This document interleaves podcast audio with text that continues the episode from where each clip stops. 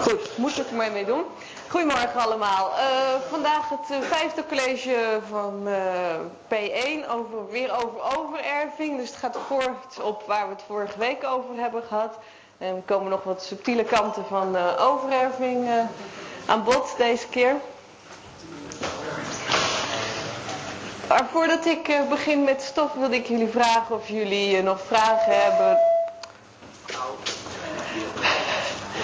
Naar aanleiding, ik hoop, er zit hier een feedback ergens. Dat, ik weet niet of jullie die horen, maar dat stoort mij. Uh, ik wilde vragen of jullie nog vragen hebben naar aanleiding van het college of practicum vorige week. Opmerkingen. Sorry?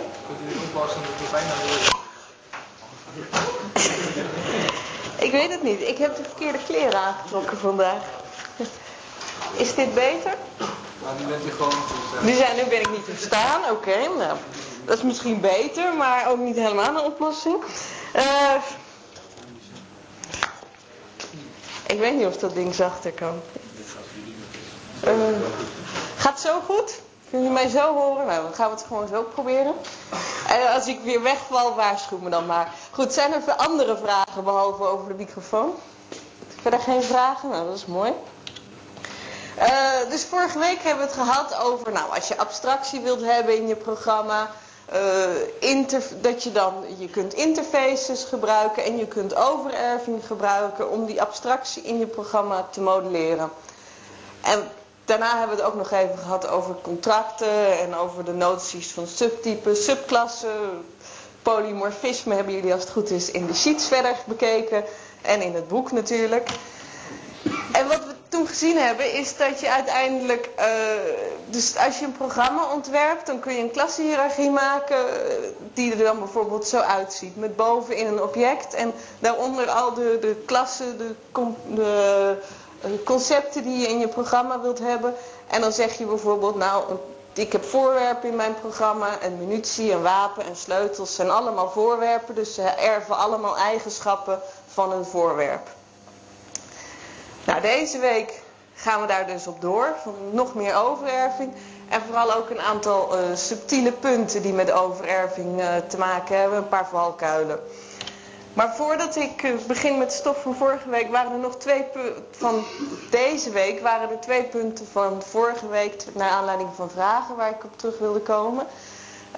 ten eerste was een vraag over wat het verschil was tussen aggregatie en associatie. En ik heb me erin verdiept. Ik kan het niet vinden. In het boek staat het niet. Ik denk dat degene die die sheets gemaakt heeft uh, oorspronkelijk, dat die daar wel een bepaald idee bij had. Maar als je in het boek kijkt, daar hebben ze het alleen maar over associaties. En dat is dus dat verband tussen klassen van een hotel heeft een kamer of een gast die logeert op een kamer. Nou, en aggregatie, ik zou die hele term vergeten. Associatie, dat is genoeg om te onthouden. En waar het vooral om gaat, is dat je begrijpt wat dit inhoudt. En hoe je het ook noemt, maakt niet zoveel uit. Andere punt was de vraag dus over, was een vraag over die modifiers. En toen zei ik over, er was nog een uh, package protected. Toen zei ik, ik ga het uitzoeken. Nou, ik heb het uitgezocht. Het staat, uit, het staat uitgelegd in het boek, staat daar vrij helder uitgelegd. Je hebt die public, dat is dat het overal zichtbaar is. Je hebt private, dan is het alleen binnen de klasse zichtbaar. En je hebt een protected keyword en de bedoeling daarvan is dat dan dingen alleen binnen de subklasse zichtbaar zijn. Maar, en dit moet ik zeggen, dit begreep ik ook niet helemaal in het boek, maar het is ook zichtbaar binnen de package en er zijn een aantal ingewikkelde regels. Dus het is een goed idee om heel voorzichtig te zijn met protected. Protected kun je gebruiken als je wil dat dingen echt zichtbaar zijn in een subklasse. Maar er zijn dan een het wordt meer zichtbaar dan je denkt. Dus je moet heel goed weten waar je mee bezig bent. En verder is er dus wat jij al zei, je hebt die package protected. En ik was een beetje in verwarring, maar dat komt omdat er namelijk geen keyword voor is. Dus als je geen zin hebt om public op te schrijven, dan wordt het vanzelf package protected of restricted. En dan heb ik het fout opgeschreven. Hier had moeten staan dat het zichtbaar is dan in de hele package. Dus het is min, als iets public is, is het overal zichtbaar. Als het package protected is, is het alleen binnen de package. Dus normaal gesproken zet je in een package zet je dingen die op een logische manier samenhangen. En dan zijn dingen dus zichtbaar. Uh, die dingen zijn zichtbaar voor elkaar. Nou, een ander belangrijk punt is dat die zichtbaarheid, dat dat statisch bepaald is. En dus de plaats in de programmatekst, die bepaalt de zichtbaarheid. En niet wat voor type, wat voor dynamisch type jouw object is op een gegeven moment. En er waren dus een aantal mensen die vroegen, hoe zit dat met die get plaats als ik dat aanroep op een, bijvoorbeeld de methode get plaats op een voorwerp en ik roep die aan op een object wat een sub subklasse is van een voorwerp. Maar omdat die get plaats, als die in voorwerp gedefinieerd staat, dan mag die dus, dan is die statisch. De statische zichtbaarheid, dat is binnen het voorwerp. En als plaats een instantievariabele van voorwerp is, dan, is het, uh, dan kun je hem dus gewoon gebruiken.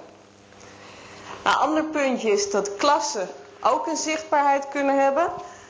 En met name dus je public klassen. En de meeste klassen die zijn, daar zet je geen keyword bij en die zijn dan uh, package protected. En voor methoden is het zo dat hun zichtbaarheid, die is nooit meer dan de zichtbaarheid van een klasse. Dus als een klasse geen public keyword heeft, dan kun je wel een methode daarin definiëren die wel public is. Maar die heeft dan dezelfde zichtbaarheid als de hele klasse, oftewel binnen de package. Nou ja, en om, ja? Als je al je klassen van public maakt, je nooit meer iets te interpreteren.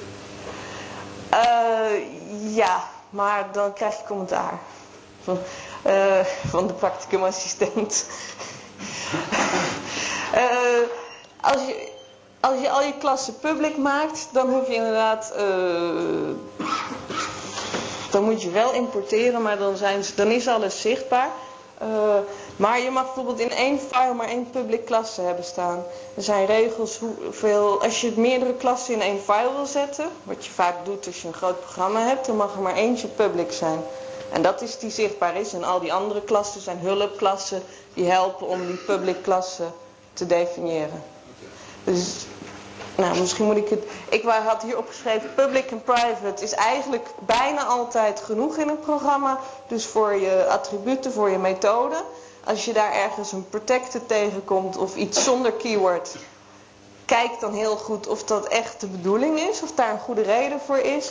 Nou, je hebt public klassen en je hebt ook wel packet protected klassen.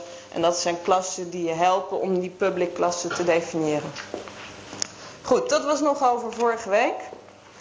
En dan over deze week. Uh, vorige week zat ook iets over type testen en typecasting in, maar daar ga ik nog even op terugkomen. Uh, verder gaan we het hebben over iets wat tussen interfaces en overerving in zit, namelijk abstracte klassen. En dan komen er uh, drie onderwerpen dus over constructoren en overerving, over het verschil tussen overloading en overerving en over de tekortkomingen van overerving. Nou, dat, dat zijn dus valkuilen als je je programma gaat schrijven. En dan nog even iets over het gebruik van standaard patronen om je programma's te kunnen schrijven. En dat staat niet erg uitgebreid in het boek beschreven, maar we vinden het belangrijk dat jullie wel dit uh, idee begrijpen. En tenslotte nog wat over uh, geneste klassen en als laatste een stukje voor het practicum over het formateren van strings. En dit, jullie thuis uh, gaan lezen, is de rest van hoofdstuk 10 en hoofdstuk 11. Nou, wat ik graag, wat ik hoop dat jullie na afloop kunnen, is om te beginnen dat jullie het uh, kunnen aangeven van een object. Wat is een statische en wat is een dynamische type en hoe kan je dit veranderen? Uh, ook hoe kun je abstracte klasses definiëren. En wat voor valkuilen zijn er op het moment dat ik uh, overerving ga gebruiken in mijn programma. En vooral natuurlijk dat je niet in die valkuilen valt als je zelf een programma maakt. Verder is het ook de bedoeling dat jullie na afloop van dit college... Uh, ben ik dat? uh, begrijpen dus hoe je uh, patronen kunt gebruiken, wat geneste klassen zijn en of tenslotte hoe je strings kunt formateren. Dat is een heel down-to-earth onderwerp als laatste. Goed, over statische en dynamische types. Vorige week heb ik het er ook al even over gehad. Maar dus een object in een programma heeft een statisch type en een dynamisch type. En het statische type, dat is direct afleidbaar uit de programmatekst. Dus dat, je kijkt gewoon naar de variabelen die erin voorkomen, hoe ze gedeclareerd zijn. En daarmee, daar, op basis daarvan kun je het statische type afleiden. Terwijl het dynamische type van een... Van, dat is echt erg. Een dynamisch type van een expressie, uh, dat is uh, afhankelijk van uh, waar je bent op het moment in de programma-executie. Dus tijdens een executie een variabele die verwijst naar een bepaald object. En wat voor object dat precies is, dat, dat is het dynamische type van die variabele. Dus dat kan veranderen tijdens de executie van het programma. Voorbeeldje te geven. Uh, hier heb je twee declaraties van punten. En de eerste, daar wordt een nieuw puntobject aangemaakt. En de tweede wordt een kleurpuntobject gemaakt. En dan zullen jullie begrijpen, die kleurpunt, die erft van die punt. Nou, wat is hier van deze twee variabelen? Wat is het statische type?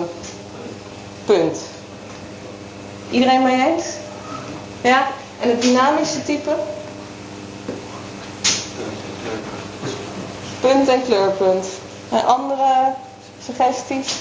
Nee? Inderdaad, dus het statische type is gelijk, maar de uh, dynamische type is hier verschillend. Het, is, het ene is een puntobject en het andere verwijst naar een kleurpuntobject. Maar als ik nou deze assignment ga doen, dus eh, PU1 die gaat verwijzen naar hetzelfde object als PU2. Wat zijn dan de statische types? Kleurpunt en kleurpunt hoor ik hier. Punt en punt. Uh, er zijn nog meer opties, maar dit zijn wel de meest logische. Wie denkt, mag ik handen zien? Wie denkt kleurpunt en kleurpunt? En wie denkt punt en punt? Wat denkt de rest? Ja, wie denkt niet? Oké. Het, statische type is hier niet veranderd, want dat leidt je af uit de programmatekst. En deze PU1 en PU2 zijn als punten gedeclareerd. Dus het statische type, dat blijft gewoon een punt inderdaad. Wat is nou het dynamische type? Kleurpunt en kleurpunt. Iemand anders die... Andere, wie denkt er nog meer kleurpunt en kleurpunt? Dat was, oh, dat was net niet... Nee, dit was het statische type, de oh, vorige vraag. Okay, nou ja. ja. En dynamisch? Ja. Oké, dus dynamisch PU1 en PU2 verwijzen nu alle twee naar een kleurpuntobject. Dus dynamische type is een kleurpunt. Maar dat statische type, dat is gewoon wat hier staat. En dat is gewoon een punt gebleven. Dus nu zijn statisch en dynamisch voor deze variabelen gelijk. Maar het statische type is wel anders dan het dynamische type van de variabelen. Ik denk dat er heel veel... Is dat zo? Zijn er veel mensen die dit niet snappen? Ja? En...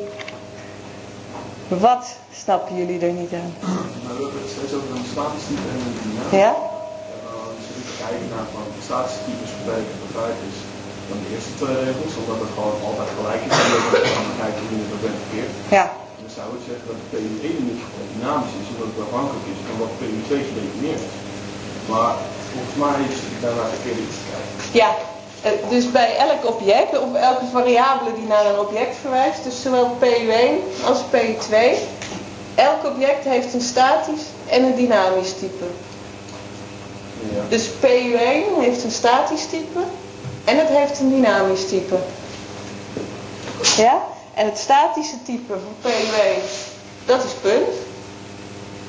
En het dynamische type van PU1, dus hier is dat punt, want ik, hier verwijst het naar een nieuw puntobject. En dan ga ik verder met mijn programma-executie. En hier gaat PU1 naar hetzelfde object verwijzen als PU2. PU2 is een kleurpunt, dus mijn dynamische type wordt nu een kleurpunt, omdat ik het object waar ik echt naar verwijs, dat is een kleurpunt. Maar het statische type blijft gelijk. Dat is voor jou duidelijk. Nou, is dat voor de rest ook? Hoop ik. Maar wat doe je hier in de praktijk mee? Dat is dat een stukje terminologie. Nee, dit is geen terminologie. Ehm, je hebt dynamische type uh, bepaalt welke methode je gaat executeren. Ja.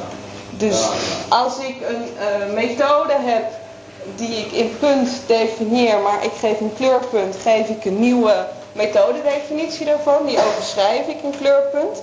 Dan als ik op dit punt die methode ga aanroepen, dan ga ik de methode executeren die in punt is ge- gedefinieerd.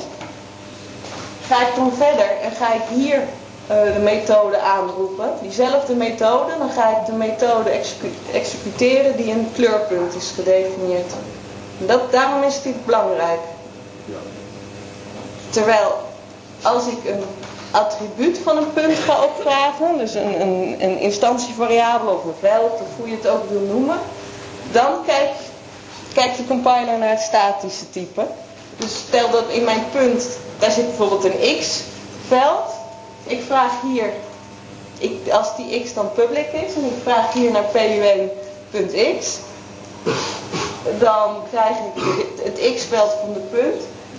En als ik dat hier zou doen, eh, stel dat ik in mijn kleurpunt een nieuw x-attribuut definieer, dat kan. Dus, dat je eh, eigenlijk eh, een beetje verbergt, de x van de punt. Maar als ik dan hier weer pu1.x opvraag, dan krijg ik nog steeds de x van de punt. Maar PU2, dan krijg je wel de x van kleurpunt. Nee, want pu2 heeft ook als statisch type een punt. Maar wat heb je dan aan om een attribuut te definiëren in een overige klas? Eh, dat, dat moet je ook eigenlijk niet doen, maar dat gebeurt. Eh, maar het is, belangrijk, het is belangrijk dat je begrijpt dat dus het eh, opzoeken van een attribuut, dat gebeurt statisch, op basis van het statische type.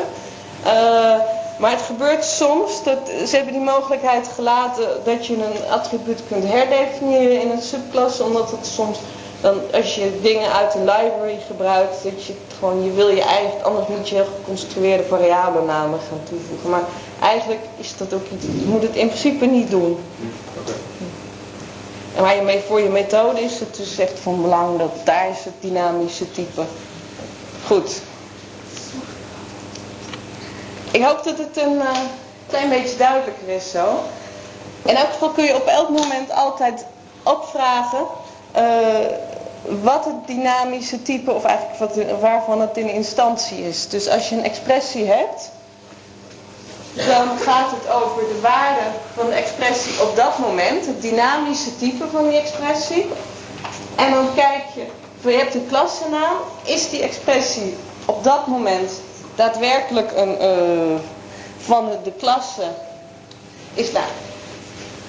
Bij die expressie die je daar hebt, die heeft een dynamisch type. En als dat daadwerkelijk klassenaam is of klassenaam is een superklasse van dat dynamische type, dan levert die instance of, die levert true op.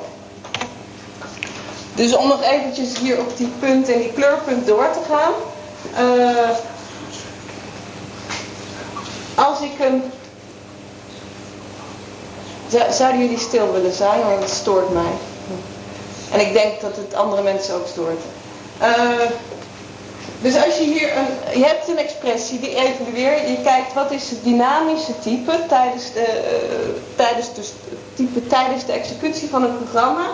Als dat een, eh, dus bijvoorbeeld die PU1, die naar een punt verwijst, dan als je kijkt is dat een instantie van punt, dan krijg je true. Maar als je kijkt is dat een instantie van kleurpunt, dan krijg je false, want kleurpunt is een subklasse van punt. Als je nou een object hebt, KLPU1, dat naar een kleurpunt verwijst, zoals de naam suggereert. Als je dan kijkt of het een instantie is van punt of van kleurpunt, dan krijg je de true uit. Omdat punt een superklasse is van kleurpunt. En als je een PU2 object hebt, wat naar die KLPU1 verwijst, dus het statische type is wel een punt, maar het dynamische type is een kleurpunt, dan zal die instance of test nog steeds true opleveren. Dus die instance of kijkt echt naar het dynamische type van het object. En dit is wel belangrijk, dus ik wilde jullie kijken, uh, ik wilde jullie vragen om dit even gezamenlijk te doen. Ik heb hier een aantal uh, instance of uh, testen. Nou, het is weer het bekende klassenhiërarchie. Je hebt een voorwerp en sleutels en wapens en dat soort dingen. En die SL is een, op een sleutelobject. Dus wat zal er met die eerste test gebeuren? True. True? Ja? Iedereen mee eens? Per definitie. En die tweede? True? Jullie denken daar ook true? Ja? Want een sleutel is ook een voorwerp. En wat gebeurt er dan als ik uh, probeer te kijken of die sleutel, of dat een instantie van wapen is? Vals wordt er hier gezegd. Iemand anders die een andere idee heeft, want er gebeurt wat anders.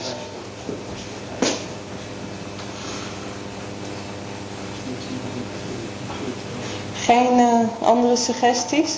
Nou, als je nou kijkt naar die klassenhiërarchie, dan weet je dat die SL, dat is een sleutel. Uh, en wapen, die zit daarnaast in de klassenhiërarchie. Een sleutel kan nooit een wapen zijn. Dus wat hier gebeurt is dat de compiler, die zegt al, dit kan niet, dit zijn inconvertible types, schrijf het programma maar opnieuw. Deze code die zal niet geaccepteerd worden. Nou heb je hier ook een voorwerp en die verwijst naar die sleutel. Als ik nu kijk of die, uh, dat voorwerp een instantie is van sleutel, wat gebeurt er dan? Verkeerd om? In wat voor zin? De sleutel is een instantie van het voorwerp, maar het voorwerp is niet per se een instantie van de sleutel. Nee, maar ik heb hier de code die daarboven is geëxecuteerd. Dus die voorwerp. Die voorwerp hier, die verwijst naar, naar het sleutelobject.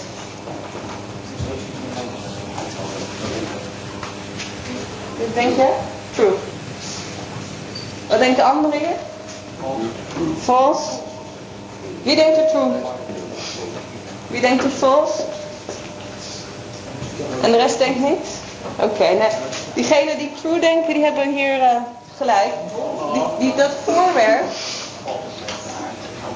die verwijst naar dat sleutelobject. Dus dat dynamische type van VW op dit punt is een sleutel. Nou ja, en een sleutel is een instantie van sleutel. Ja? En nou deze. Als ik nou wil kijken of die VW een instance van wapen is. False. Gaat de compiler dit accepteren? Ja.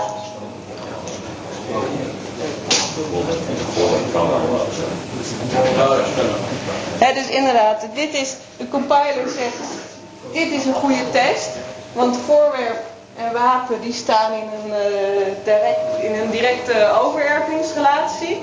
Maar voorwerp verwijst naar een sleutel, dus het is geen instantie van een wapen. Dus er komt vols uit. Maar VW zou wel een wapen kunnen worden. Als ik dit doe, als ik een wapenwap heb, en ik doe zo'n assignment, dan zal daarna true uit deze test komen. Nou, het is goed als, als je zoveel mogelijk mogelijkheden wil overlaten om uh, variabelen een bepaalde subklasse laten zijn, dan moet je hem proberen met de hoogste klasse eigenlijk. Ja, dat snap je goed. Ja. Oké. Okay. Maar je kunt ook typekast gebruiken. En dan kan je, daar hebben we het vorige week ook al even over gehad, maar ik denk veel te snel. Een typekast die kun je gebruiken om het statische type van iets uh, te veranderen. En als het goed is, zijn jullie dit wel eens tegengekomen bij uh, berekeningen. Waar je bijvoorbeeld zei van ik heb een deling en ik wil dat er een, uh, ik wil het echt het ik wil dat er een integer uitkomt of ik wil juist dat er een gebroken getal uitkomt. En dan kan je het gewenste type, zet je tussen haakjes erachter. Zet je tussen haakjes voor de expressie neer en dan wordt het type automatisch aangepast. Nou, en de typekast hier, is eigenlijk hetzelfde principe, alleen dan met klasnamen. dus een cast-expressie, wat hier staat. Dat, als je dat dan doet, dan zeg je van oké, eigenlijk is het statische type, dat bereken ik op basis van de programmatekst uh, aan de hand van die expressie die er staat. Maar ik wil dat het statische type, dat het klassennaam is, nou dan zet ik het er gewoon voor. En dan tijdens je executie gaat dat goed als die expressie inderdaad een instantie is van de klassennaam. En anders krijg je een foutmelding uh, tijdens de executie. Nou, hier de punt en de kleurpunt. Uh, hier heb je een aantal dingen die je op zou kunnen schrijven. Als je dit, dus die punt, PU1, sorry, die verwijst naar een puntobject en hij statisch type een punt. Als je dit nou opschrijft, get kleur is een methode van kleurpunt. Wat zou er dan gebeuren? Error. Error. Wat voor error? Die eh, de methode niet kan vinden. Ja? En gebeurt die foutmelding dan tijdens de executie of tijdens de compilatie? Ik denk tijdens de executie, omdat het punt eventueel wel een kleurpunt zou kunnen worden. Jij denkt tijdens de executie. Wat denken anderen? Compilatie of compiler die kijkt naar statische Dus inderdaad, van de compiler kijkt naar het statische type. Nou, het statische type van die VU1 is een punt. Dus dan zegt hij, ja, ik weet niet wat het zal zijn, maar het is minstens een punt. Dus alle methoden van punt, die kunnen erop aangeroepen worden. Maar get kleur, die zit in kleurpunt. Dus de compiler gaat hier een foutmelding geven. Die zegt get kleur is geen methode van punt. En dan bij die tweede. PU2, statisch type een punt, maar dynamisch is het een kleurpunt. Foutje. Zo? Foutje. Foutje, ja. Daar, iemand die een idee heeft.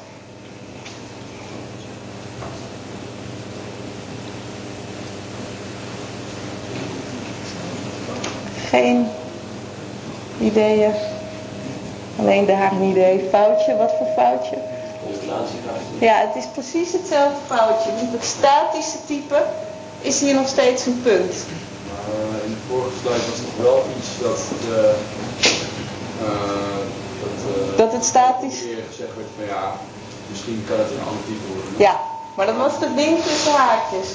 Dus dan denk ik, nou ja, als dit niet gaat, dan doe ik wat anders. Dan zeg ik gewoon van, ik ga dat statische type aanpassen. En dat is wat hier staat. Dus hier heb ik een PU1-expressie.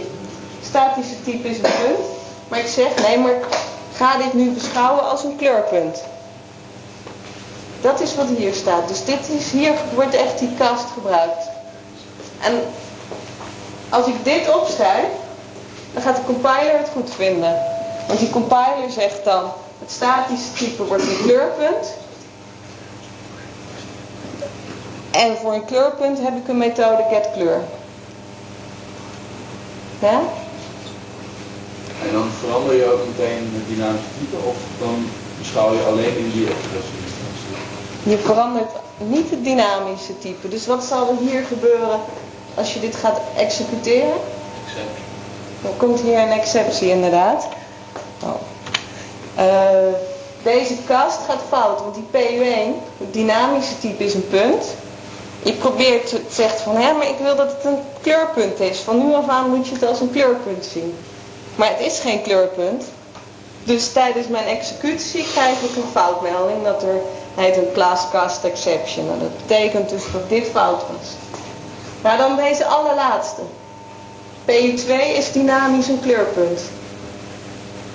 Ja, dan is het goed. Ja, dus hier heb ik gezegd, oké, PU2 is dynamisch een kleurpunt. Het statische type wat ik hier eigenlijk wil hebben voor deze expressie is een kleurpunt. Dus de compiler zegt, oké, als dit statisch een kleurpunt is, vind ik het goed. Gaat het executeren en tijdens de executie het dynamische type is ook een kleurpunt. Dus het lukt. En je kunt eindelijk dus die methode getKleur op PU2 aanroepen.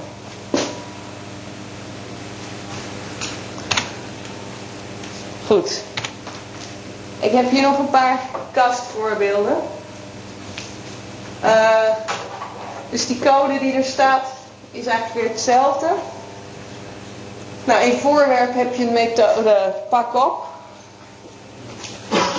Dus hier wordt een cast gedaan. Het statische type van die sleutel zeg je van dat moet een voorwerp worden.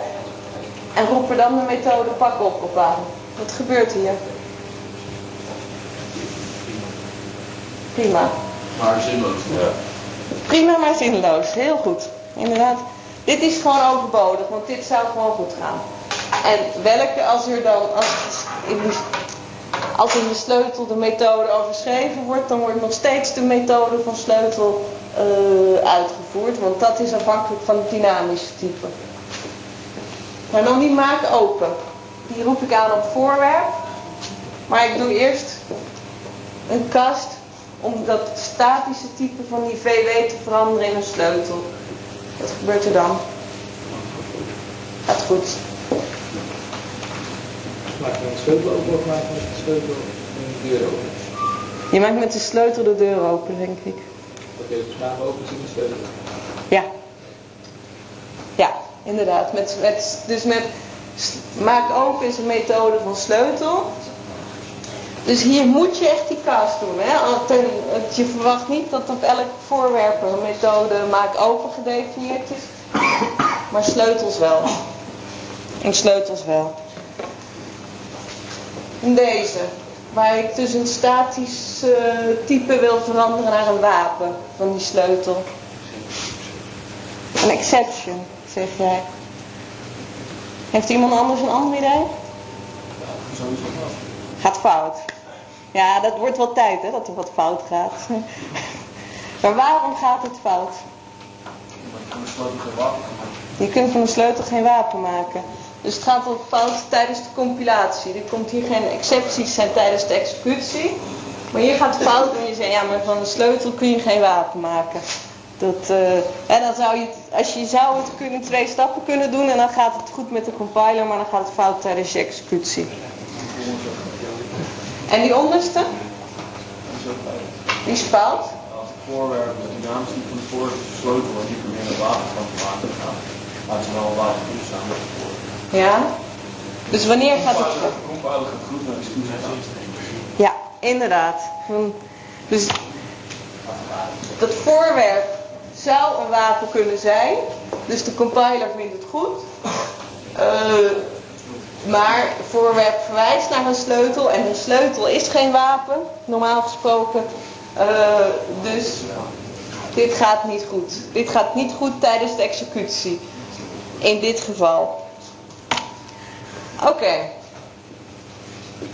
Uh, goed, vorige week hebben we dus ook meer in het algemeen gezien. Van, uh, je hebt dan, als je dus abstractie in je programma wilt hebben, dus bijvoorbeeld hier dan kun je zeggen van een voorwerp, van dat is iets en dat is dat, een standbeeld, munitie of een sleutel. Dat zijn allemaal voorwerpen.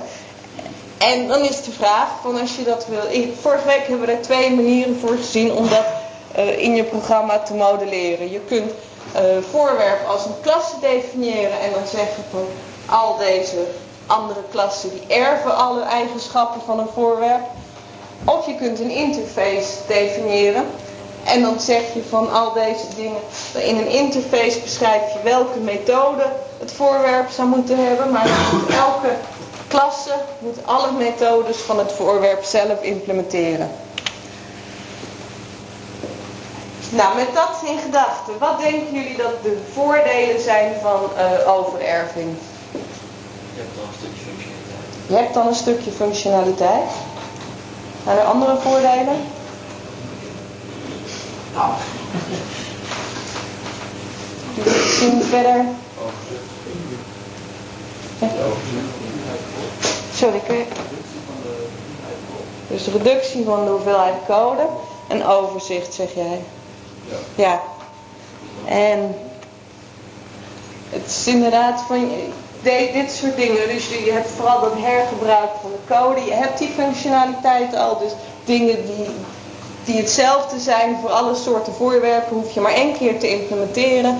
En je hebt meer controle over de zichtbaarheid van dingen. Maar er zijn ook nadelen. Wat voor nadelen zien jullie van overwerving? complexiteit. Complexiteit, in wat voor zin? Uh, um, moeilijker om het uh, twee het programma werkt. Moeilijker dat je programma werkt. Ja? Ja, nee. Ja? Je moet weten wat in de superklasse staat. Dus je moet weten wat in de superklasse staat. Ja? Hm. Was daar nog iemand die een... Het zijn inderdaad goede punten. Van wat, wat we gezien hebben bijvoorbeeld vorige week was dat met die methode is draagbaar. Als je overerving doet, dan moet je er een implementatie voor geven in een voorwerp. En die moest je dan in de subklasse overschrijven. Bijvoorbeeld omdat een sleutel wel draagbaar was, maar een standbeeld niet. Dus je moet in de voorwerpklasse moet je er een keuze voor maken van is die wel of niet draagbaar. En in de subklasse moet je dat dan overschrijven. Je hebt met overerving kan je ook maar één superklasse hebben. Terwijl met interfaces kun je wel meerdere superinterfaces hebben. En de superklasse die ligt ook vast. Dat is ook een nadeel. Nou, kunnen, ja? Mag je geen extra methode toevoegen dan? Je mag wel een extra methode toevoegen. Maar waarom is, is draagbaar, waarom moet je dan per se een implementatie voor hebben? Dan kun je gewoon een, een draagbaar toevoegen bij de sleutel. Omdat je dan uh, heel veel kasten in je programma moet doen. Want, dus de compiler die gaat kijken, dus jij definieert iets wat een voorwerp is. Ja, okay. En dan zeg je, ja, dat is wat je zei net zelf, dat is handig. Want dan kan ik het in mijn programma zowel een sleutel als een wapen van maken. Net wat, wat mij uitkomt. Uh, maar als je dan daarop een methode is draagbaar wil gaan doen, dan, dan zegt hij, ja, maar het statische type is een voorwerp. En daarop heb ik geen methode is draagbaar. Dus ik ga dit niet uh, compileren. Ja. En dan moet je weer een kast toevoegen. Nou, daar, daar wordt je programma niet du duidelijker van. Maar er is wel een oplossing, vooral voor dit probleem. Dit, uh, de ideale wereld zullen we nooit bereiken, maar je kunt namelijk abstracte klasses uh, definiëren. En dat zijn uh, klassen waarin je een gedeelte van de implementatie kunt geven en de rest laat je abstract. En dus bijvoorbeeld een voorwerp kun je definiëren als een abstracte klasse. En dan zet je daarin wat de gezamenlijke functionaliteit is van al die voorwerpen.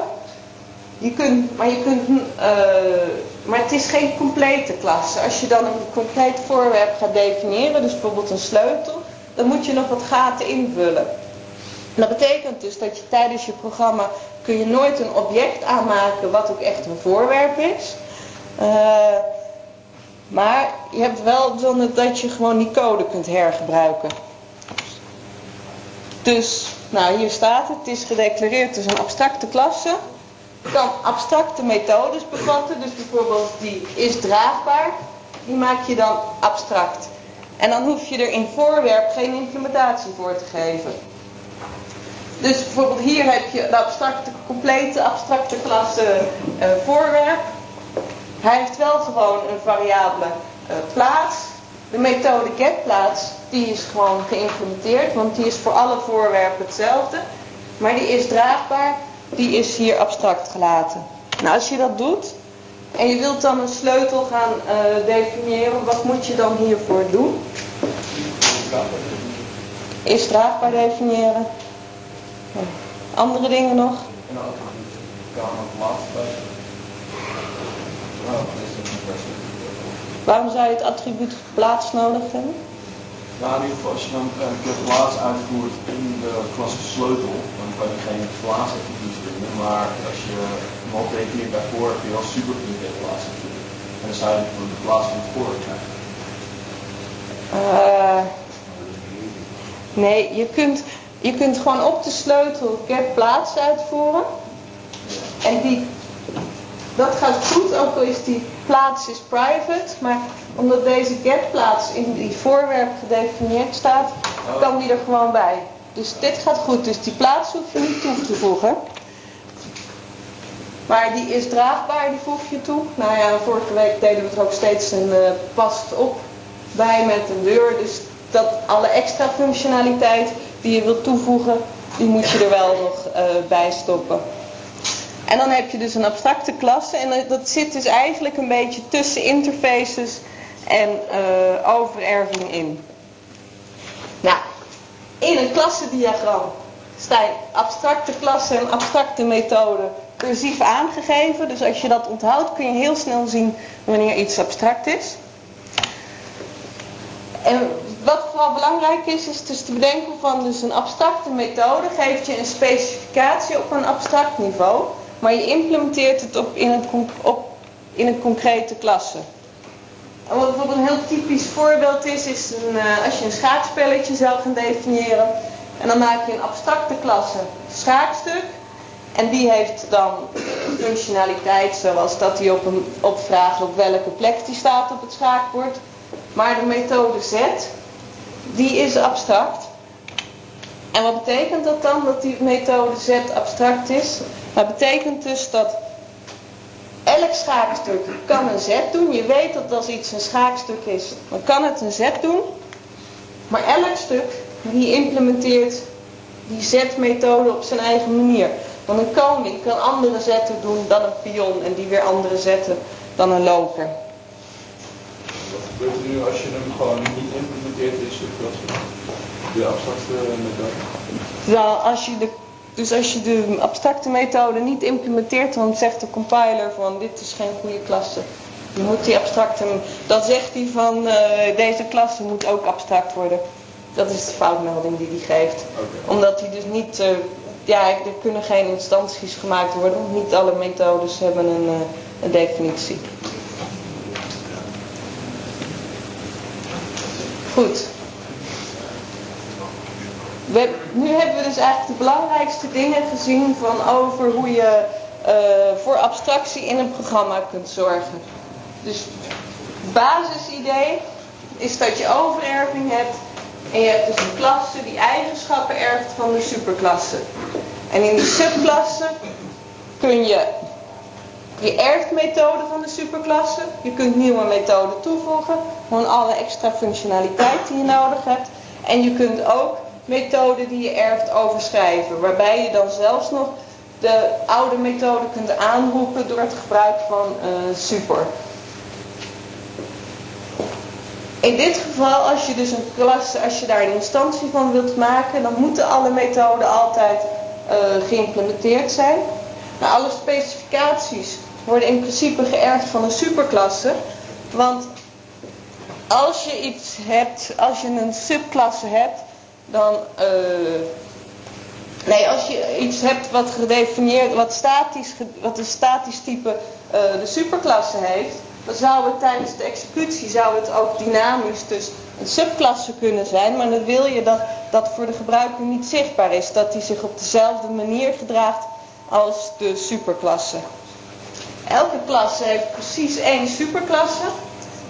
En als er niet bij staat wat die superklasse is, dan is dat de klasse object. Uh, en je kunt ook, uh, dus voor interfaces, die kunnen ook van elkaar erven.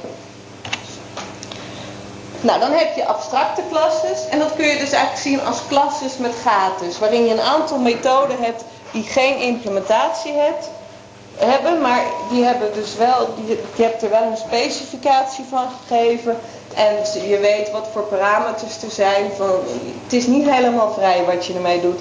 En dan als je een concreet, van erft van een abstracte klasse en je wordt zelf een concrete klasse, dan vul je al die gaten in. En je hebt dan dus nog steeds dat je niet meerdere, een abstracte klasse kan niet van meerdere klassen tegelijk erven. En tenslotte heb je interfaces. Interfaces, dat zijn eigenlijk alleen maar gaten. Dat zijn, zegt alleen maar van dit zijn de methodes die er moeten zijn. Met deze parameters, deze specificaties. Maar iemand die een interface gebruikt, die moet daarna nog de volledige implementatie geven. En je kunt er wel specificaties neerzetten en als je dat goed doet, dan kun je op die manier zorgen dat een interface wel uh, dat verschillende implementaties van een interface wel uh, op, uh, op dezelfde plek te gebruiken zijn. En wat handig is bij interfaces, is dat je meerdere interfaces kunt hebben. Dus dat En dat, soms is dat nuttig en is daarom een goede reden om te kiezen om een interface te gebruiken. Nou, wat je kiest in een concreet geval, dat hangt dus, dat is gewoon een overweging van al deze dingen. Van, wil je gewoon overerving, wil je dingen nog abstract laten of wil je eigenlijk alles abstract laten? En dat is dan een keuze die je maakt van, wat is nou de beste manier om al deze dingen, om mijn programma te modelleren. Ja? Ja, klassen. Um, als je een specificatie geeft van een methode, in hoeveel uh, ja, niveaus gaat het omlaag? Dus bijvoorbeeld voor hebben, dat wordt een wapen, en een wapen heb je magisch wapen, een normaal wapen, etc. Moet je dan die specificatie van een abstracte klasse voor ook een wapen geven? Of mag het ook in een lager niveau? Uh, sorry, kan je de vraag nog? Dus de specificatie, normaal gesproken zou je die gewoon zo hoog mogelijk geven. Dus als ik voorwerp wapen magisch wapen heb, dan probeer ik een voorwerp een specificatie te geven die wel algemeen is, zodat ik er verschillende subklassen van kan maken. Maar mijn magisch wapen moet daaraan voldoen en mijn wapen moet daar ook aan voldoen. Ah, Oké, dus je moet bij elke klasse die lager zit ervoor, moet je een implementatie van die specificatie krijgen. Ja. Uh, behalve, oh je bedoelt wanneer je de implementatie moet geven? Ja. Oké, en mijn antwoord was wanneer die implementatie aan de specificatie moet voldoen. Nou, dat moet die altijd. Uh, maar je kunt, als je dus een voorwerp hebt, dan zou je een wapen, voorwerp als abstracte klasse, dan zou je wapen als een abstracte klasse kunnen definiëren. En dan hoef je dingen niet, dan kun je dingen gewoon abstract laten. En dan kun je pas in magisch wapens de concrete implementaties geven. Maar als jij een wapen, als dat geen abstracte klasse is, dan moet alles geïmplementeerd zijn. Dus zodra je niet meer abstract bent, moet alles geïmplementeerd zijn. Oké, dus ongeacht hoe laag je komt vanaf voorwerp, in elke klasse van een voorwerp moet gewoon een implementatie van die bepaalde specificaties zitten. Ja. Tenzij een superklasse dat Ja, maar dan erft hij hem. Als een superklasse het heeft, dan erft hij hem. En dus tenzij als een wapen abstract is, dan hoeft hij het niet te hebben. Maar als, hij dat, als een wapen concreet is, dan moet hij een implementatie hebben. Daar staat die error die je net, waar je het net over had, van deze klas zou abstract moeten zijn dan. Ja, ja, dan krijg je inderdaad, dus als je dan, als je, nou, dus in, wat was het, is draagbaar, als je die in, wa is, als je die in wapen zou vergeten, dan gaat je compiler, geeft een melding van dat je, dat je klasse wapen abstract moet zijn. En dan moet je dus begrijpen dat dat betekent dat je vergeten bent is draagbaar daar te implementeren. Oké, okay. dit lijkt me een goed moment voor pauze. Oké. Okay. Uh, je kunt me nu beter horen? Ja? Ik ben bang als ik hem dichterbij hou dat het gaat piepen. Ik weet niet wat je liever hebt. Maar je kunt ook naar voren komen. Uh, ik denk dat dit niet beter is. Uh, en dus de tekortkomingen van overerving. En uh, dus constructoren, het subtiele punt erbij is dat die niet worden geërfd. Uh, elke subklasse heeft gewoon eigen constructoren en die roepen de constructor van de superklasse aan. En dat kunnen ze expliciet doen door het aanroepen van een super met argumenten. Of geen argumenten natuurlijk, het kan een lege lijst zijn. En als er niks gebeurt, dan wordt het impliciet gedaan uh, met de methode super zonder argumenten. Maar dat mag niet altijd. Uh, nou, we hebben het al een paar keer erover gehad. Als je een klasse definieert en je schrijft er geen constructor in, dan is, dan is er wel impliciet een constructor aanwezig. Dat is dus het geval alleen maar als er geen constructoren gedefinieerd zijn.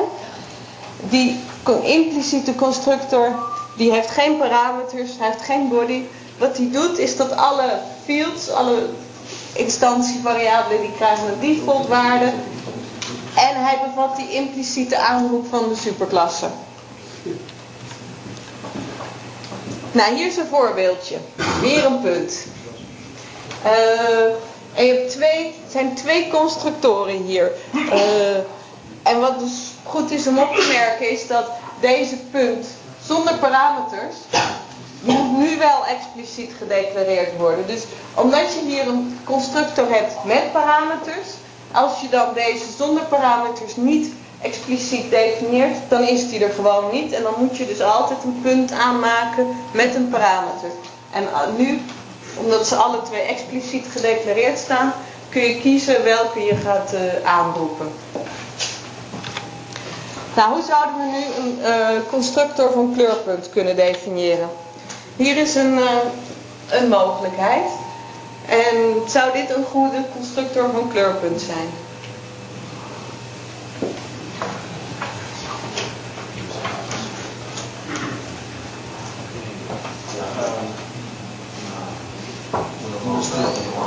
Moet wat bij. Nou, als je wil dat hij die plaats omslaat, dan moet je die nog aanroepen. Maar in, in principe heeft het geen fout. Het geeft geen fout inderdaad, maar hij uh, doet niks met die plaats. Dus dat is het probleem. Je roept die super niet aan en hij doet gewoon niks met die plaats. Ja? We gaan nog een uh, super meegeven met ons parameter uh, de Ja, dat is een hele goede suggestie. Uh, veel beter dan wat hier staat. Waarom zou je, mag je dit niet doen? Ja. Inderdaad, dus die kleurpunt die heeft geen plaats. Dus die PL, uh, hier is dan geen plaats meer, maar PL, dit kun je niet doen. Dit gaat gewoon een uh, compiler foutmelding geven. Het piept echt nog steeds, hè? Uh, dus dit is fout. En nou, Sebas zei het al, van dit is dus hoe je dit zou moeten doen. Ja? Als je niet die super aanroept, uh, je gebruikt je die eerste optie. Ja? Kun je dan die parameter plaats niet helemaal weglaten? Dat, als je dus die plaats niet wil zetten, dan, uh, dan zou dit goed zijn. Ja, maar kan je ook de parameterplaats helemaal weglaten als je plaats niet wil? Ja, dan, dan zou je die plaats weglaten. Dus dan haal je dit weg. En als je super niet gebruikt, is je constructor van je subklasse in principe helemaal afhankelijk van de constructor van je superklasse. Ja, en dan zal die, die impliciete super aanroep zal er staan. Dus dan wordt die plaats, die wordt wel geïnitialiseerd op de default waarde. Dus die verwijst gewoon naar 0. Ja. Ja.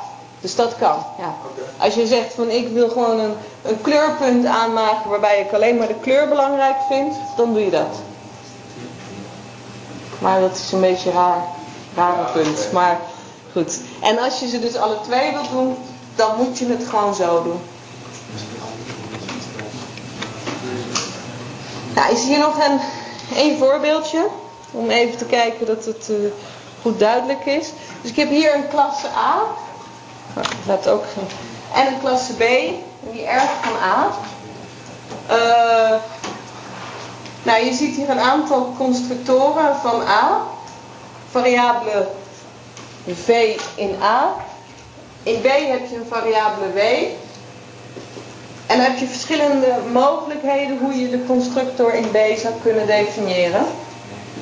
En de vraag is, als je nu B aan, de constructor van B aanroept met het argument 3, wat zijn dan de waarden van V en W na afloop?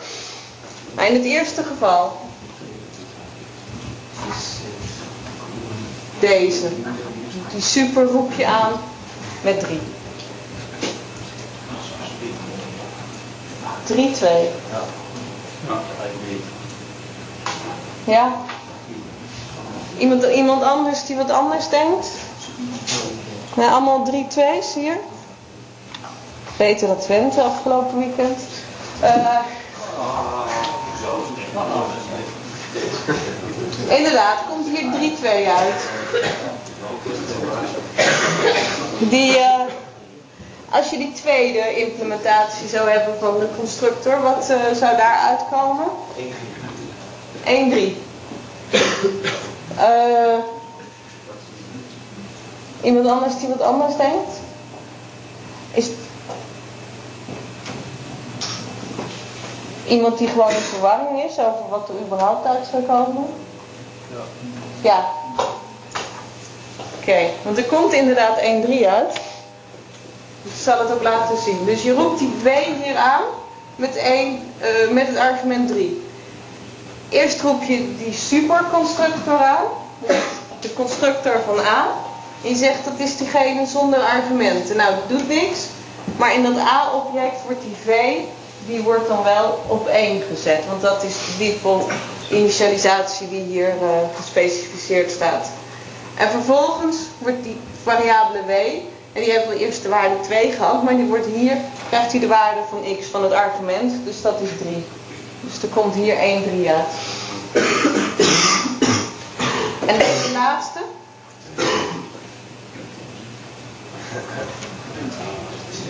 Eén, twee. Kan iemand uitleggen waarom er 1, 2 uitkomt? Oh, dat is standaardwaarde natuurlijk. Geen parameters die je gebruikt. Ja, inderdaad. zijn alle twee de standaardwaardes. Er gebeurt hier verder helemaal niks. Uh, dus je krijgt gewoon zoals ze daar geïnitialiseerd staat, wat er expliciet staat als initialisatiewaarde. Ja? Uh, de signature van de constructor is nu precies hetzelfde, toch? Ja, je kan deze drie niet alle twee. Dit, is als je, dit zijn verschillende mogelijkheden, maar je kunt ze niet alle drie erin zetten. Nee, want ja. Zal nooit weten welke je aan het einde moet Ja, klopt. Nee, dat, dit, is, dit is geen goede coding. Je zou één van deze drie erin moeten hebben. Maar hoe zou je dat dan kunnen doen als je dit toch wil doen? Zou je dan een soort van zinloze parameter erbij kunnen doen om de signature toch te veranderen?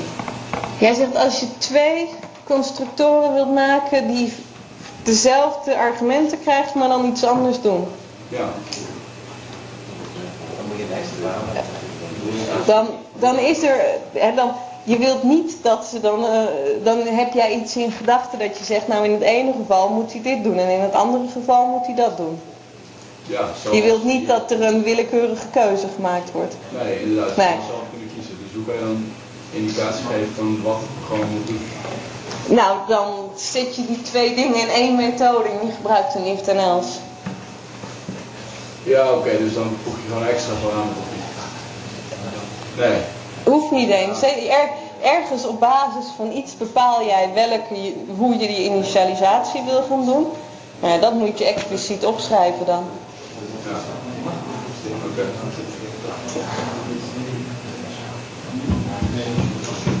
Zijn hier vragen? Moet ik die eerst ook nog eventjes uitleggen hoe ik daar aankom? Of is dat duidelijk? Duidelijk? Oké. Dat was over constructoren. Ander puntje is dus het verschil tussen overschrijven en overladen. Ik weet niet of jullie die term al gehoord hebben, maar als je overschrijft, dan moet de methode moet precies dezelfde naam en dezelfde signatuur hebben. En dan wordt dus dynamisch bepaald, afhankelijk van het dynamische type van het object, welke de methode eh, er wordt uitgevoerd. Maar als je overlaat, dan heb je verschillende methodes en die hebben dezelfde naam. Maar ze hebben verschillende signatuur. Dus de types van de parameters zijn anders. Ze hebben bijvoorbeeld een verschillend aantal parameters. Of als ze hetzelfde aantal parameters hebben, dan hebben die een verschillend type. En dan wordt er statisch bepaald, naar aanleiding van de statische types, dus door de compiler, wordt er al bepaald welke van de overloaden methode er gekozen zal worden. Ja?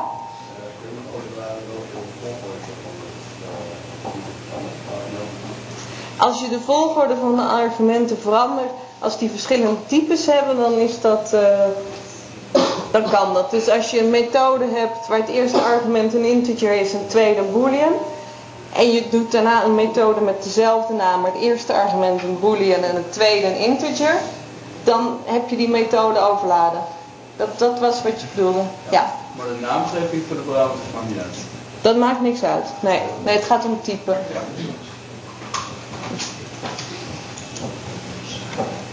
Eh, Oké, en hier is een klein voorbeeldje. Beetje geconstrueerd. Maar wat je hier dus ziet, is dat deze doe iets en die doe iets. Die, daar is sprake van overloading. Want die hebben dus verschillende eh, types. En dan deze doe iets. Die hebben alle twee boolean als type. Dus deze, die overschrijft deze. Want die B die ergt van A. En nou is de vraag van ik maak een A-object aan en een B-object aan. En wat is dan het resultaat van deze vier aanroepen? Dus om te beginnen die eh, A punt, doe iets met ons argument A. 26.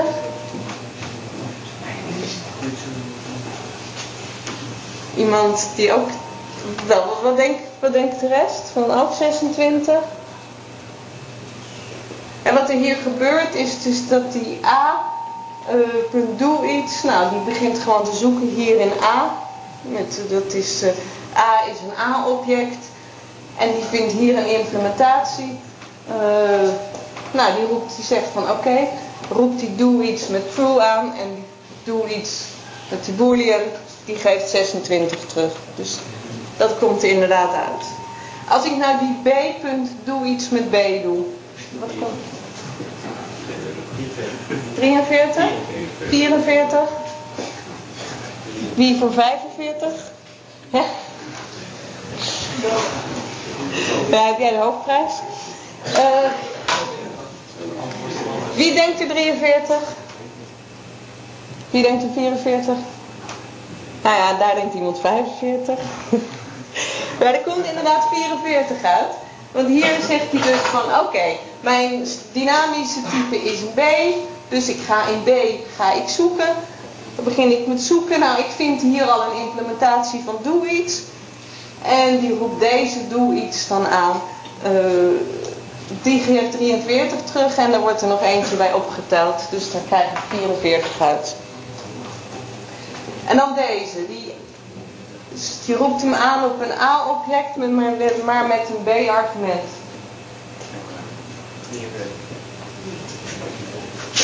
43? Yes. Yes. Ja. Want je doet het hier op een eh, A-object, roep je hem aan, dus je voert dit uit. Maar omdat dit een B-argument is, ga je deze uitvoeren. Dus eh, dat is statisch gebonden als je op een, eh, een object met statisch type. Het statisch type van die B is een B. Als je daar dus eh, een dynamisch type ook. Dus daar ga je die doe iets van B op uitvoeren en dus krijg je 43 terug. Je krijgt geen error omdat B A extend en dus ook beschouwd kan worden. Ja. En deze, die B punt doe iets A. Error. Nee. 26? Ja. Ja?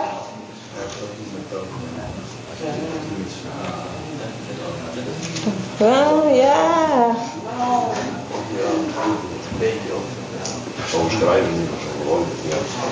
Want eh, hier gaat hij wel. En hier heb je dus dat verschil tussen overschrijven en overloading. Eigenlijk zijn we hier nou bij het punt waar het echt om gaat. Dus hij begint hier in dat B-object te zoeken. En hij wil die doe iets vinden. Maar die doe iets in B, die verwacht een B-object als argument. En die A is een A-object, is een superklasse van B. Dus die past daar gewoon niet in. Dus hij moet verder gaan zoeken. Of eigenlijk, hij gaat, hij gaat hier helemaal niet op zoek naar deze doe iets met B, want die past helemaal niet. Hij gaat de geërfde doe iets vanuit A gaat hij vinden. En dat is deze. Nou, en daarop roept hij dan weer. eh, en deze is statisch gebonden aan deze.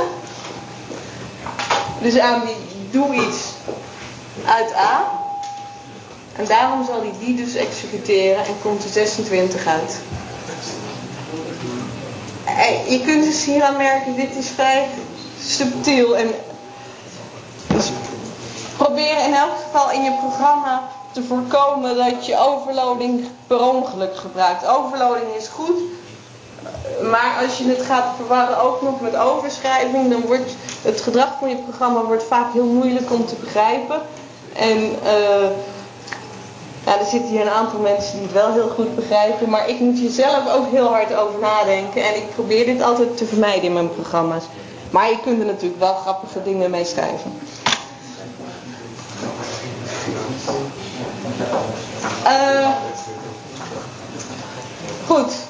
We hebben ik heb het al een paar keer gehad dus over dynamisch zoeken van een methode. Maar dat, dat is dus hier op het moment dat je methodes gaat overschrijven, dan wordt dynamisch wordt de juiste implementatie gezocht.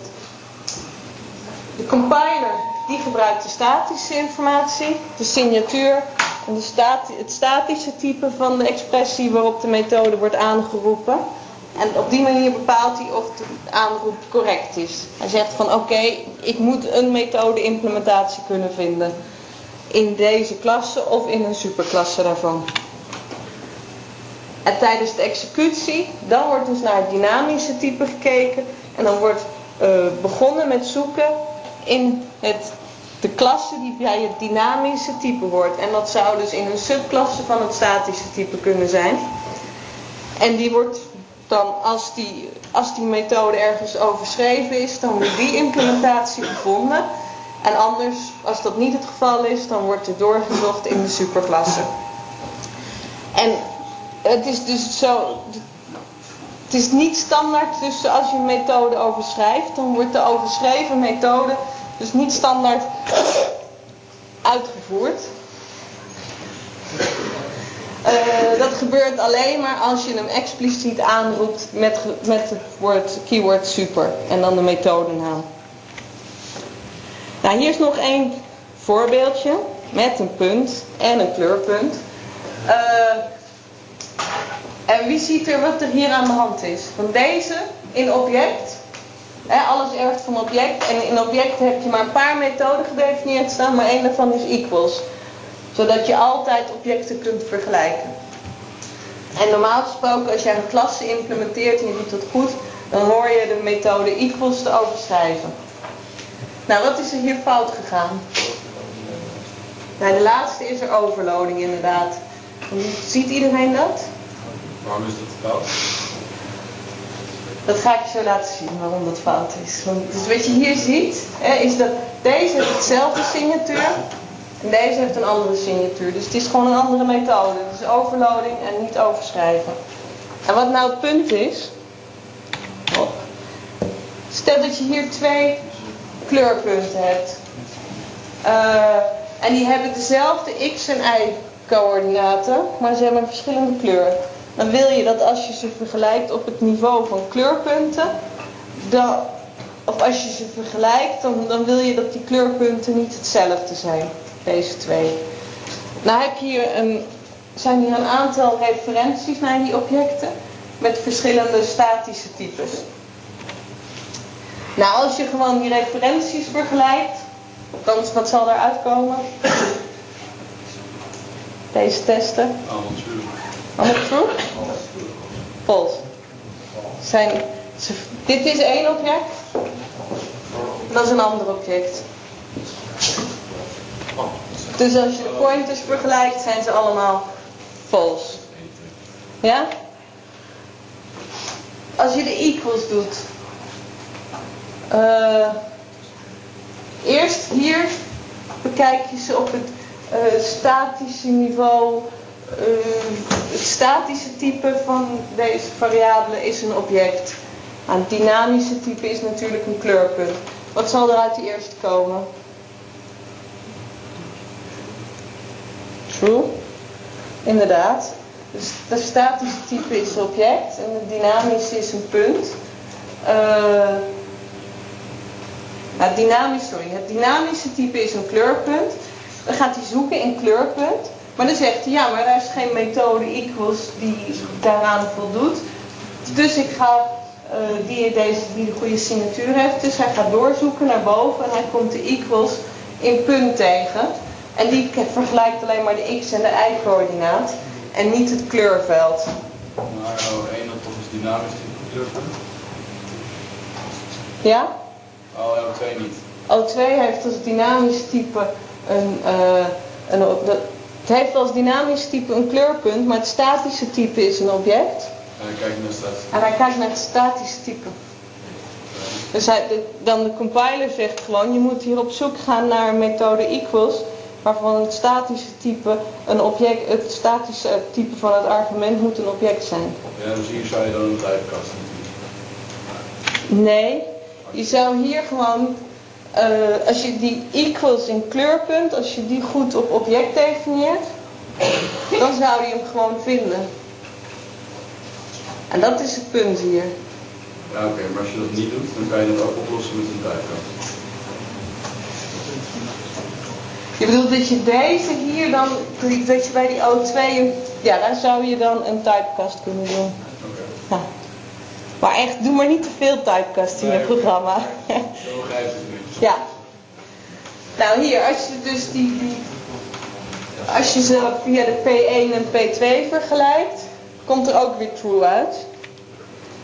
Maar als je ze via die KP1 en KP2 pointer vergelijkt, dus dan is het statische type van het argument is ook een kleurpunt. Nou, dan gaat hij wel deze equals methode aanroepen, die dus ook echt de kleuren vergelijkt. En dan zal hij dus zeggen van dit is false. En dat is wat je hier eigenlijk wil hebben. En deze laatste, als je hier dus het statische type, als dat een punt is, dan gaat het gewoon niet goed. Van, dan blijft hij altijd die implementatie in punt vinden. Dus vooral bij equals is het heel belangrijk dat je, eh, dat je argument, van dat, dat, dat, dat moet gewoon een object zijn. En als je dat argument gaat veranderen, dan ben je gewoon de methode equals aan het overloaden en dan ben je hem niet aan het overschrijven. En dan gaat jouw programma zich dus anders gedragen dan je eigenlijk verwacht. Want dan wil je twee objecten gaan vergelijken, maar je gaat ze vergelijken met een vergelijkingsmethode uit de superklasse. Ik hoop dat dat duidelijk is. Goed, laatste puntje is, het is al een paar keer aan de orde gekomen, dat als je overerving hebt, dat je geen eh, meervoudige overerving hebt. En die relatie van hoe je het erft, dat is statisch. En hier is bijvoorbeeld een voorbeeldje waar dat een, eh, een probleempje kan zijn. Je zou je kunnen voorstellen dat je een programma hebt van, waarin je een persoon, waarin je een klasse personen hebt. En daar heb je subklassen van bijvoorbeeld docenten en studenten. Maar hoe zou je nou bijvoorbeeld een studentassistent in dit eh, programma opnemen?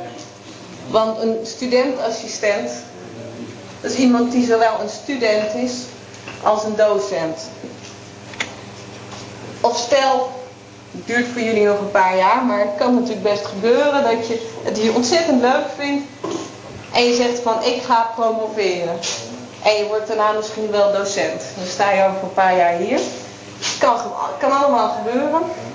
Eh, maar hoe zou je dat dan dus in dat programma zou je dat dan doen? Want dat betekent dat iemand die eerst als student stond hier, die van type, van type student was, dat die dan zal veranderen. Dat ze- de status, dat het een docent zal worden, dat hij een salaris zal krijgen en zo. Nou, eigenlijk is daar geen eenduidige oplossing voor. Het is van geval tot geval is het verschillend eh, hoe je dat het beste kunt oplossen. Maar er, is wel, er zijn wel wat standaard patronen eh, die je kunnen helpen om dit soort dingen op te lossen. Nou, dat brengt me dan naar het volgende onderwerp, dat, is dus die patronen. Eh, want wat je ziet, wat je misschien nu al gemerkt hebt als je programma's schrijft, is dat er heel veel dingen, die zijn eigenlijk steeds hetzelfde. En er zijn dezelfde patronen die je opnieuw toepast. En als je op een gegeven moment een goede oplossing gevonden hebt voor een probleem, dan kan je die later in een ander programma misschien opnieuw gebruiken. En er zijn een aantal mensen die zeiden van ja, dat, is zo. En eigenlijk moeten we gewoon standaard patronen hebben voor allerlei veel voorkomende problemen. En iemand die programmeert, die kijkt gewoon naar zo'n patroon. Die instantieert dat voor zijn concrete probleem. En dan heeft hij gewoon een goed werkende oplossing. Nou, dit, is een, eh, een heel bekend boek waarin een heleboel van dit soort eh, patronen staan uitgelegd. En dus echt beschreven staan zodat je ze zelf kunt gebruiken in een programma. En wat ik nu ga doen, is dat ik heel kort iets ga vertellen over twee eh, patronen. Namelijk het strategiepatroon en het waarnemerpatroon.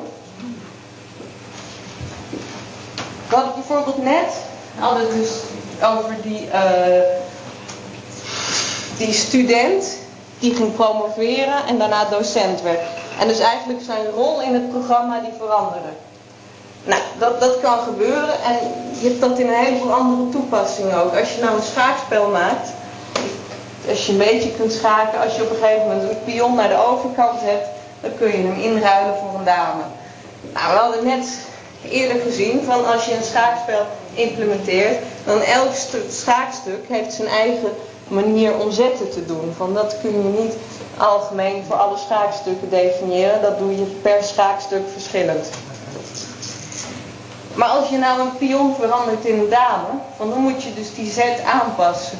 Dus je moet eigenlijk het, het type van dat stuk moet je aan kunnen passen. Nou, een manier om dat te doen is dan het gebruik van dat strategiepatroon. En wat je dan doet is dat je een interface definieert met de strategie. En uh, dus elk, elk schaakstuk die verwijst voor zijn zet naar zo'n strategie. Dus je hebt een soort indirectie in je programma. Maar dan kun je uh, daar verschillende strategieën uh, ingooien. Dus je kunt een aparte zetstrategie implementeren voor een dame en eentje voor een pion. En op het moment dat je dan een pion inruilt voor een dame, dan verander je gewoon dynamisch de strategie die gebruikt wordt in het programma. En dan zal jouw schaakstuk, zich als een dame gaan gedragen. Nou, dit is dus een oplossing die soms handig kan zijn. Ja? Dus dan gebruik je bij set een parameter die aangeeft wat voor stoep is. Je gebruikt bij z niet een. een uh, nee, jouw z die blijft nog steeds eigenlijk gewoon drie naar. Uh, je krijgt alleen maar dus het naarveld als argument mee. Maar je hebt hier in plaats van dat je gewoon de methode Z hebt, heb je hier een verwijzing naar de implementatie van Z. Dat is wat je hier eigenlijk zegt. Dus je zegt hier van oké, ik heb een zetter. En dat is iets wat deze interface implementeert. Dus wat de methode Z kent. Je geeft daar verschillende implementaties voor, voor dames en pionnen. En dan deze zetter, uh, die kan je dan, daar kun je altijd, als je een zet wil doen, dan roep je op die zetter, roep je de methode zet aan. En dat zal dan altijd de goede zetmethode zijn. Oké. Ja? Het is nogal mij. Kun je gewoon een nieuw object aanmaken op dezelfde plaats? Soms kan dat ook. Dat hangt er vanaf hoe je verder. Uh, maar soms is dit bij, bij, al dit soort dingen is het van er niet één oplossing die het beste is. Wat je gaat doen, de oplossingen voor dit soort problemen hangt gewoon af van precies wat je voor extra voorwaarden hebt en zo. Als je gewoon een vast aantal schaakstukken hebt waar je iets mee moet doen en je kan ze niet, je kan niet nieuwe schaakstukken aanmaken, dan is dit een oplossing. En, je hebt gewoon soms dat soort uh, eis van een programma dat je niet zomaar nieuwe objecten kunt aanmaken. Goed, een andere patroon, dat is het waarnemerpatroon. Want dat is vrij belangrijk. Uh, tijdens P2 uh, eh, gaan jullie leren over het maken van grafische interfaces. En die zijn gebaseerd op dit patroon. Het idee is dat je soms gebeurtenissen hebt waar anderen in geïnteresseerd zijn. En wat je dan kunt doen als iemand het waarnemerpatroon implementeert, is dat hij, hij houdt waarnemers bij en dan als er iets gebeurt waar anderen mogelijk in geïnteresseerd zijn, dan stuurt hij een bericht naar iedereen die op de hoogte gehouden wil, wil worden. Uh, Oké, nou de waarnemer is dus die interface. Uh, en iedereen die dat dan op de hoogte gehouden wil worden, die kiest, die implementeert, zelf een methode update. Waarin die dan zegt, oké, als ik een melding krijg dat er iets veranderd is, dan is dit en dat wat ik ga doen. En wat je dan dus krijgt, is dat, nou je hebt iemand die is geïnteresseerd. Je hebt hier dingen die in de gaten gehouden kunnen worden. Dat zijn misschien uh, de voetbalstanden en iemand die daarvan een bericht wil krijgen op zijn mobiele telefoon elke keer dat er gescoord wordt. Uh, Dus wat er dan gebeurt is dat die gebeurtenissen die erven van die uh, observable. En iemand die geïnteresseerd is, die maakt een methode voor update. En hij meldt zich aan bij dat ding wat geobserveerd kan worden. Nou, vervolgens gebeurt er dan iets interessants. Er wordt gescoord bijvoorbeeld. En dan wordt die, uh, deze methode aanpassing, dus wat er verandert, dat zal ook Notify aanroepen. Die Notify, die roept dan de update aan van alle uh, objecten, van alle geïnteresseerden. Dus die geïnteresseerden, die weten dan dat er iets gebeurd is. En die kijken dan van oké, dit en dat is veranderd. En die zullen hun interne toestand veranderen afhankelijk van wat er veranderd is. En dus bij een grafische user interface schrijf je ook vaak dit soort dingen. Je wil niet de hele tijd zitten kijken, heeft de gebruiker ergens wat ingevoerd, maar je wilt dat op het moment dat de gebruiker wat invoert ergens, dat je via programma een melding krijgt dat er iets is gebeurd, dat er invoer is en dat die invoer verwerkt zou moeten worden. Dus om dat te implementeren, nou je hebt een uh, interface observer met een methode update. En iedereen die dus een wil krijgen, die moet die methode update implementeren. En dan die observable klas, die uh, houdt, een, houdt een lijst bij van alle observers. Wordt elke keer als er iemand uh, bericht wil krijgen, wordt toegevoegd aan de lijst. En als er dan iets gebeurt, dan alle elementen die in die lijst staan, die krijgen een berichtje en zeggen van oké, update jouw interne toestand, want er is iets gebeurd. En dat, was, dat is het basisidee van het waarnemerpatroon. Goed, een klein dingetje wat een beetje met overerving ook te maken heeft en vooral met hoe je je programma kunt modelleren. Uh, en dat zijn geneste klassen en interfaces.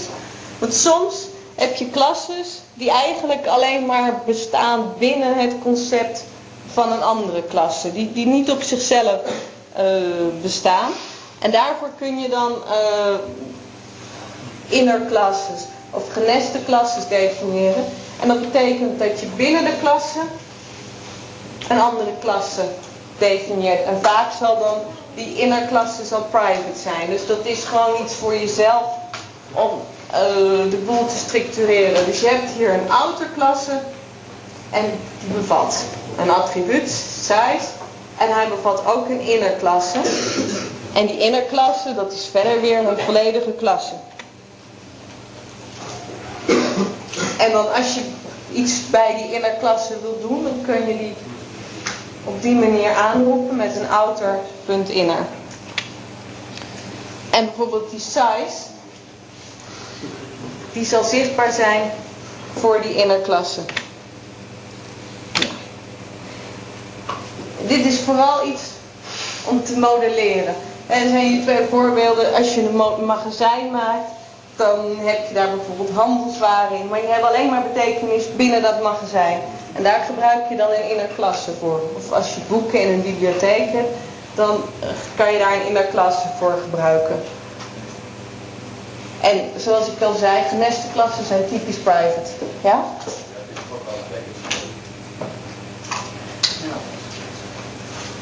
Ja, maar een package dan, uh, dan heb je bijvoorbeeld iets, dat is inderdaad, een package zeg je ook van hier heb ik een soort pakket, maar dan maak je bijvoorbeeld een klas in die op meerdere punten gebruikt worden. En als je een innerklasse hebt, dan is die alleen maar bruikbaar in de klasse waarin die gedefinieerd staat. Dus het is heel beperkt. En, wat je het meeste ziet is met innerklasse is echt dat je, je moet even snel een klasse hebben om iets te groeperen of zo. En dan gebruik je een innerklasse. Uh, maar het is echt iets wat, wat je verder in je programma waar je je niet druk over wilt maken. Terwijl in een package, daar heb je gelijk in, maar dat, dat zijn vaak dingen die je dan op meerdere plekken binnen de package wilt kunnen gebruiken. Goed. En tenslotte nog iets uh, over het formateren van strings. Uh, ik moet jullie bij het practicum uh, gaan gebruiken. Er is dus een methode format als je een string, als, als je uitvoer op je scherm wil zetten. Nou, daar is een definitie van, die staat in de Java API. Die is uh, nogal lang en nogal complex. En voordat, om te voorkomen dat jullie die helemaal moeten gaan gebruiken, wil ik jullie hier de belangrijkste punten daarvan uitleggen. Zodat jullie genoeg weten om tijdens het practicum ermee aan de slag te kunnen. Goed. Het idee is dat je die methode format, die roep je aan met een string. Dat is wat je wilt gaan printen. En met een aantal argumenten. Dat zijn eigenlijk de variabelen van de dingen die je in de string wilt printen. En dan in die format string, daar staan, kun je dan speciale dingen gebruiken. Die procent 1, procent 2 enzovoort. En daarmee geef je aan van ik wil die verschillende argumenten wil ik printen. Dus als je zegt procent 1, dan zal op dat punt in die string dat argument 1 geprint worden. En als je maar één argument hebt, dan kun je ook alleen het procentteken gebruiken. Hoeft je niet per se procent 1 te gebruiken. En je ziet daar al een dollartje staan. Na die dollar, daar geef je eigenlijk hints voor hoe dat argument opgevat moet worden. Dus dan kun je zeggen van dit argument moet opgevat worden als een integer of als een boolean. Door een d of een b erachter te zetten. En ook kun je zeggen van het moet opgevat worden als een float. En ik wil het antwoord zien met x-cijfers voor de komma en y-cijfers na de komma. Ja? idee voor? Geen idee. Digit. Digit, ja, dat lijkt me wel waarschijnlijk. Ja, wat heb je dan volgens de dubbel? Sorry? Wat heb je dan volgens de dubbel? Eh, ik denk dat het ook allemaal D's zijn, maar dat, dat weet ik niet. Heb je niet nodig, in elk geval.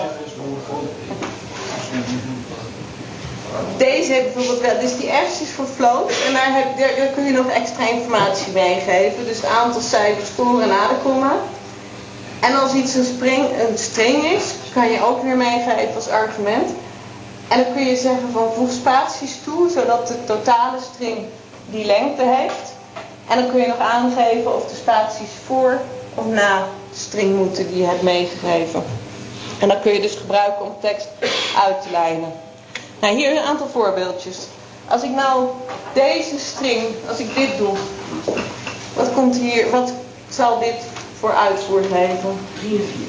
3 en 4, nou dat was uh, nou, dus precies deze tekst. Dat is duidelijk denk ik.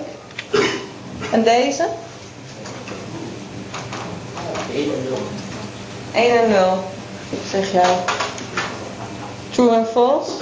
Want het, het, als je zegt van ik wil ze opvatten als booleans, dan komt er inderdaad true en false uit. Als je 1 en 0 krijgt is C-achtig, maar in Java zijn het echt een true en een false. Oké, en hier. Hier probeer je twee floats te printen.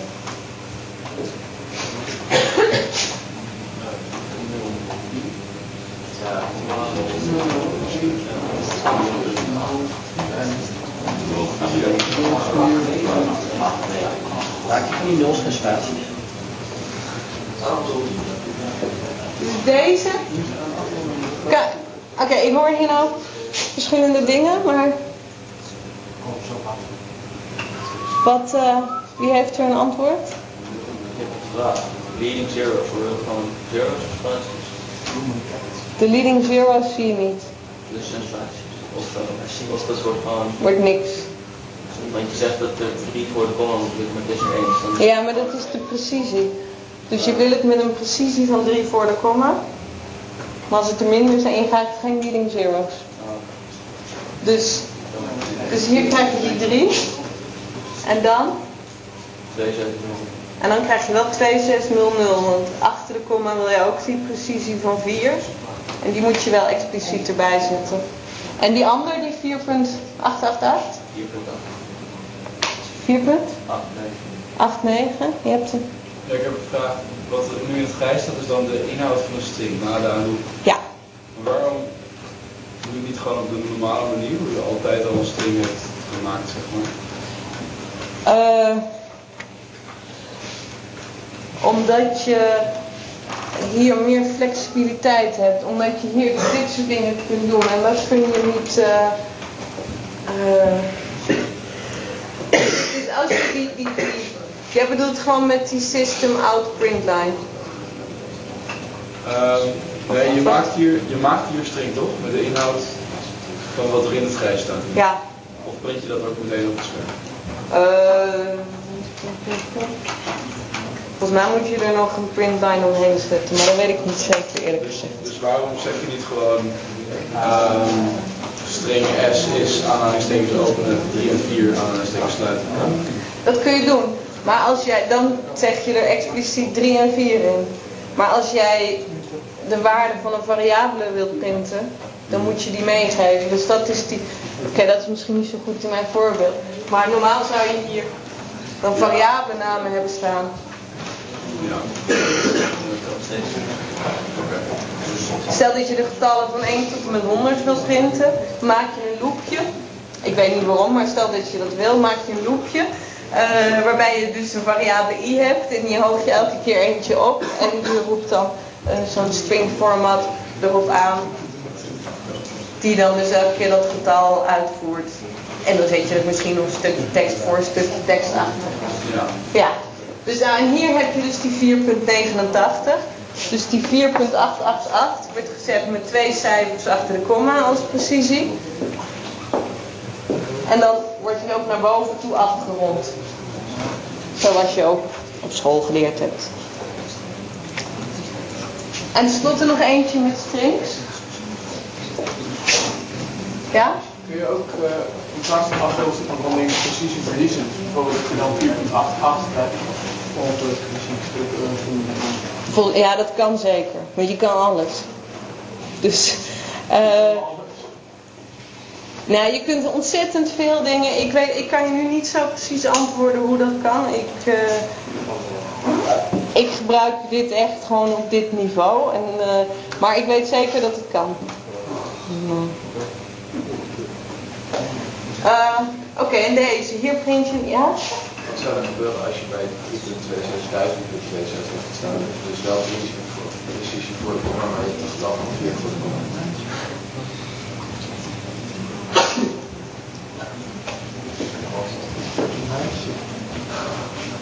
Dat weet ik niet. Erg, hè? Voor een wetenschappelijke notatie.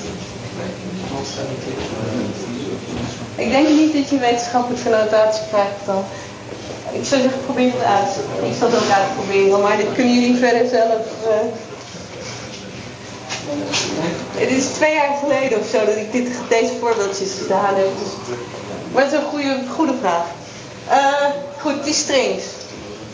Hebben jullie nu heel lang over nagedacht. Wat er hier staat, dus dat hoop ik, is dus ik wil die hoi en hallo printen. En hier over en uit. En daartussendoor een verticaal streepje.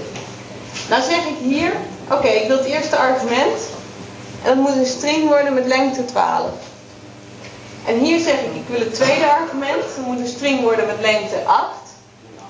Maar ik wil, er staat een minnetje voor en dat betekent dat ik die spaties die toegevoegd gaan worden, dat ik die voor de tekst wil hebben. Dus dit gaat eruit. Deze streepjes staan voor spaties, dat is even voor de duidelijkheid. En dus deze tot hooi en over, dat is lengte 12. Eh, Oké, sorry, en die komen ervoor. En die hallo en uit, die krijgen dus lengte 8. Maar die krijgen dus spaties na afloop. Nou, dat is met die min. En dan staat er nog bij welke regel het is. Maar dit soort dingen, dat zou je dus gebruiken als je tekst netjes wil uitprinten, dat het netjes in kolommen staat. Dan heb je dit soort dingen nodig. En verder is dat gewoon een beetje gepiel om dat goed te krijgen. Goed. Dan kijken jullie allemaal uit naar hoe jullie leuke strings kunnen formateren tijdens het practicum. Eh, maar dan gaan jullie ook nog wat met abstracte klassen doen. Ik heb nog twee slides, als jullie het niet erg vinden. Eh, dus we hebben vandaag abstracte klassen gezien als iets tussen interfaces en overerving in. We hebben het over statische en dynamische types gehad. We hebben het gehad over het verschil tussen overschrijven en overladen. Het is heel belangrijk dat je dat goed begrijpt en dat je goed begrijpt hoe die dingen werken. Lees het boek er nog een keer op na als je mijn college niet duidelijk vond. Het boek is heel duidelijk. We hebben het over een aantal patronen gehad. Uh, waarvan we uiteindelijk gaan vragen dat jullie die ook gebruiken. En patronen hebben we nu geïntroduceerd omdat je juist bij patronen, die hebben vaak met overerving en dat soort dingen te maken. En tenslotte, volgende week hoor je niks meer over overerving. Maar dan gaat het over als je heel veel gegevens wil opslaan. Van hoe je dat kunt doen met lijsten en zo. En dan wordt het pas echt leuk, want dan ga je dingen. Je kunt ook dan over lijsten heen lopen. Uh, en je kunt dat op een generieke manier doen. En dan de weken daarna kun je ook daadwerkelijk uh, kleine algoritmes gaan implementeren over lijsten. Goed, dat was alles voor vandaag.